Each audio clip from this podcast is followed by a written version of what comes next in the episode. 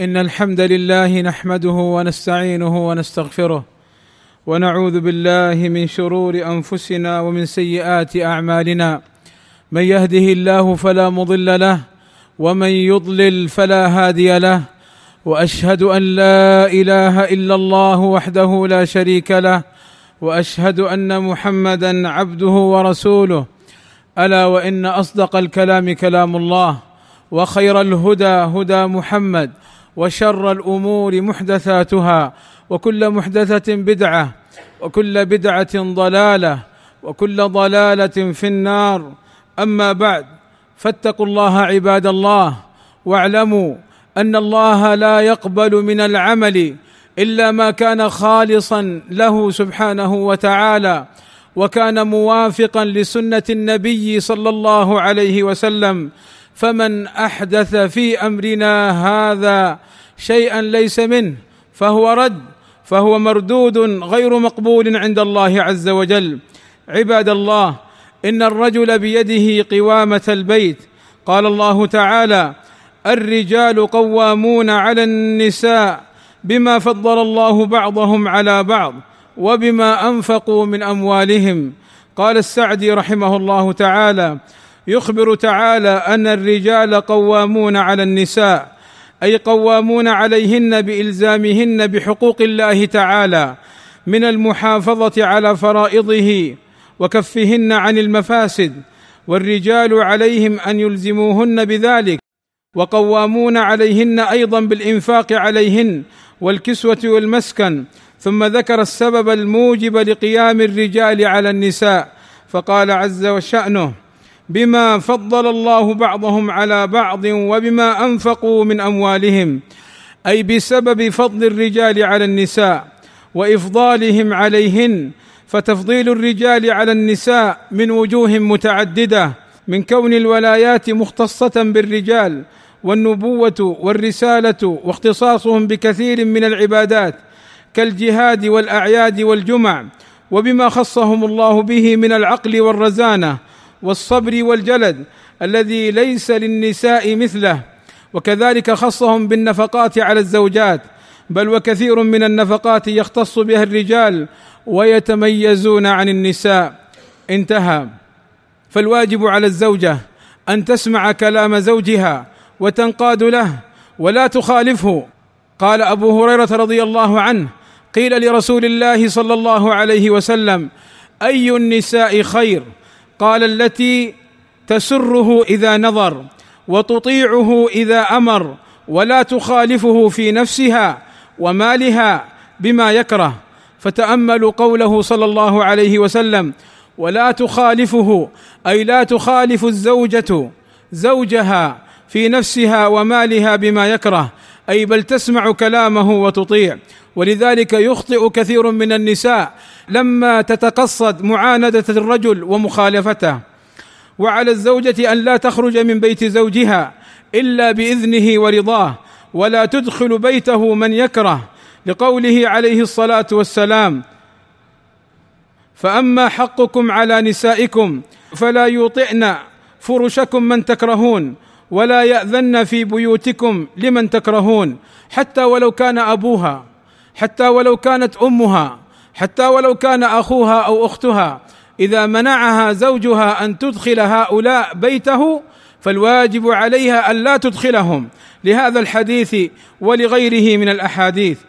ولقوله عليه الصلاة والسلام ولا تأذن في بيته إلا بإذنه ولا ترفع صوتها عليه ولا تفحش بلسانها. لقوله عليه الصلاة والسلام ولا يأذن في بيوتكن لمن تكرهون وأما ولا تأذن في بيته إلا بإذنه. هكذا الحديث. قال العلماء ولا ترفع صوتها عليه ولا تفحش بلسانها أو تنطق بالبذاء معه أو مع والديه وأقاربه ومن حقه عليها الا تصوم تطوعا إلا بإذنه. قال صلى الله عليه وسلم لا يحل للمرأة أن تصوم وزوجها شاهد إلا بإذنه والمراد به صيام التطوع. أما رمضان فالواجب أن تصومه. فالواجب على الزوجة أن تحفظ زوجها في ماله وعرضه. لقوله تعالى فالصالحات قانتات حافظات للغيب بما حفظ الله. أي تحفظ زوجها في غيبته في نفسه وماله. فلا تنظر لرجل غيره. ولا تتكلم بكلام لا يليق مع الأجانب وتحفظه في ماله فلا تتصرف فيه إلا بعد إذنه. فعن أبي أمامة رضي الله عنه قال سمعت رسول الله صلى الله عليه وسلم يقول في خطبة عام حجة الوداع لا تنفق امرأة شيئا من بيت زوجها إلا بإذن زوجها. قيل يا رسول الله ولا الطعام؟ قال صلى الله عليه وسلم ذلك أفضل أموالنا. ولتحذر المرأة المسلمة من أن تخلع ثيابها في غير بيت زوجها أو أهلها أو محارمها. قال صلى الله عليه وسلم أيما امرأة وضعت ثيابها في غير بيت زوجها فقد هتكت ستر ما بينها وبين الله. عباد الله والصحيح من قول أهل العلم أن الواجب على الزوجة خدمة زوجها بالمعروف فالله أوجب نفقتها وكسوتها ومسكنها في مقابلة استمتاعها بها وخدمتها وما جرت به عادة الأزواج والعرف خدمة المرأة وقيامها بمصالح البيت الداخلة. وأما القول بأن المرأة لا يلزمها خدمة زوجها فهو قول ضعيف عند العلماء لا يعتبر. تلك أزواج النبي صلى الله عليه وسلم وتلك الصحابيات الفضليات رضي الله عنهم أجمعين. كن يخدمن أزواجهن فهل نساؤنا أفضل منهن؟ كلا والله. فخدمة الرجل وقيامها على ملبسه ومشربه ومطعمه وراحته في بيته واجب على المرأة. والقول بأن المرأة لا يلزمها ذلك قول ضعيف عند العلماء لا يعتبر به. أسأل الله أن يوفقني وإياكم لما يحبه ويرضاه. وأن يغفر لنا الذنوب والآثام. إنه سميع مجيب الدعاء. الحمد لله رب العالمين. والصلاة والسلام على المبعوث رحمة للعالمين. وعلى آله وصحبه أجمعين. أما بعد. فيا عباد الله ليحذر كل من الزوجين أن يذكر ما يحصل بينه وبين أهله عند الجماع. قال صلى الله عليه وسلم إن من أشر الناس عند الله منزلة يوم القيامة. الرجل يفضي إلى امرأته وتفضي إليه ثم ينشر سرها. وعن أسماء بنت يزيد رضي الله عنهما أن رسول الله صلى الله عليه وسلم قال لعل رجلا يقول ما يفعل بأهله ولعل امرأة تخبر بما فعلت مع زوجها فلا تفعلوا فإنما ذلك مثل الشيطان لقي شيطانة في طريق فغشيها والناس ينظرون. اذا عباد الله لا يخبر الرجل عما يفعل بينه وبين زوجته حال الجماع فإن مثل هذا مثل الشيطان وكذا يدخل فيه ما يذكره بعضهم من ذكر العدد أو ذكر الوقت فإن هذا كله داخل في إفشاء السر فهذا بين الرجل وبين المرأة. لا يحل لك أيها العبد أن تذكره للناس. وإلا دخلت في الوعيد الذي ذكره النبي صلى الله عليه وسلم ولتحذر الزوجة أن ترفع صوتها على زوجها أو أن تتعارك معه أو أن تخرج عن أنوثتها ورقتها. قال صلى الله عليه وسلم ثلاثة لا يدخلون الجنة الديوث والرجله من النساء ومدمن الخمر والديوث هو من لا يغار على محارمه يرى العار يرى الفحش يرى الخنا في أهله ويسكت ولا يحرك ساكنا فهذا ديوث. وأما الرجلة من النساء فهي التي تتشبه بالرجال في زيهم أو مشيهم أو رفع صوتها أو غير ذلك غير العلم والعقل. وجاء عن عائشة رضي الله عنها أنها رأت امرأة تلبس حذاء الرجال فقالت لعن الله المتشبهات من النساء بالرجال. لذلك على المرأة أن تحذر أن تكون مشابهة للرجال. فبعض النساء إذا سمعت صوتها وسمعت ما يصدر عنها تعجب. أرجل هذه أم أنثى؟ أذكر هذا أم أنثى؟ فلذلك المرأة رقيقة أنثى. ينبغي لها أن تحافظ على أنوثتها وعلى رقتها وعلى خفض صوتها مع زوجها ومع الأجانب أيضا. فلذلك النبي صلى الله عليه وسلم ذكر أن الرجلة من النساء لا يدخلن الجنة.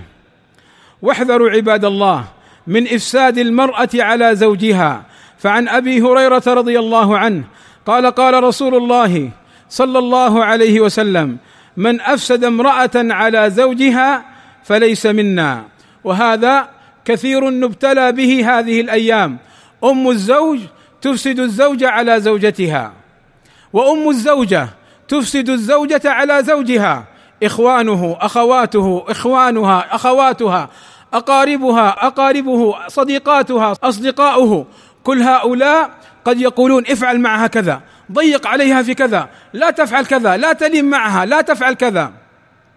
إذا كان لغير مصلحة شرعية فلا يجوز.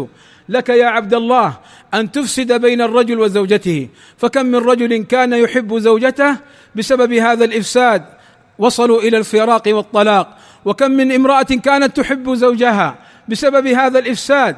وصلوا إلى إلى الفراق والطلاق. فلذلك على الوالدين وعلى الأقارب والأصدقاء أن يتقوا الله عز وجل في هذا الأمر. النبي صلى الله عليه وسلم يقول من أفسد امرأة على زوجها فليس منا. هذا وعيد شديد. ليس منا أن تفسد المرأة على زوجها. ولذلك انظروا عباد الله إلى هذه الوصية. امرأة توصي ابنتها وهي تزفها إلى زوجها. وهي تقول لها يا بني إنك خرجت من العش الذي فيه درجت يعني من بيت أهلك فصرت إلى فراش لم تعرفيه وقرين لم تالفيه يعني ذهبت إلى بيت زوجك. قالت فكوني له ارضا يكن لك سماء. أما الآن بعض النساء بعض الأمهات بعض الأقارب بعض الأصدقاء نسأل الله السلامة والعافية كوني له جهنم. كوني له جهنم حتى يسمع كلامك. تقول لابنتها فكوني لها ارضا. يعني سهلة يطئك ليني معه لا تشدي عليه اغفري له مشي الكلام لا تضيقي في الطريق.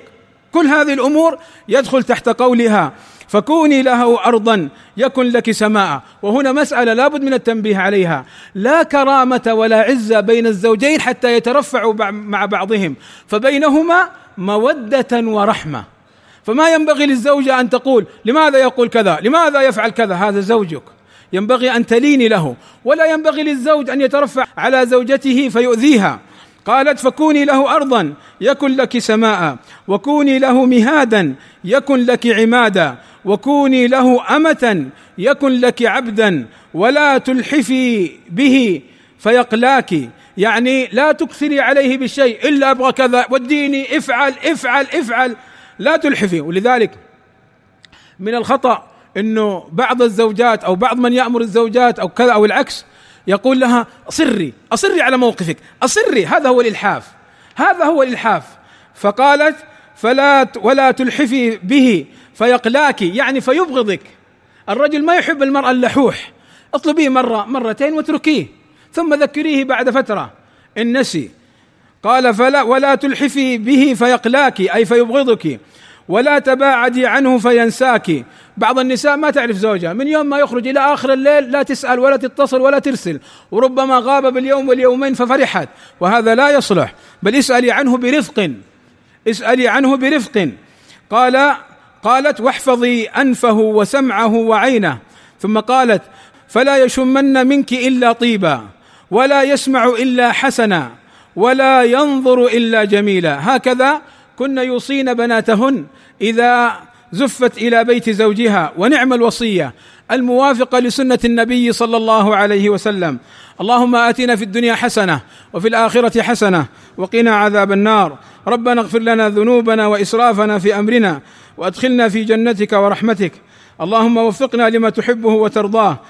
وأعنا على شكرك وذكرك وحسن عبادتك. اللهم وفق ولي أمرنا لما تحبه وترضاه. اللهم وأصلح به العباد والبلاد. وصلى الله وسلم على نبينا محمد وعلى آله وصحبه أجمعين. والحمد لله رب العالمين.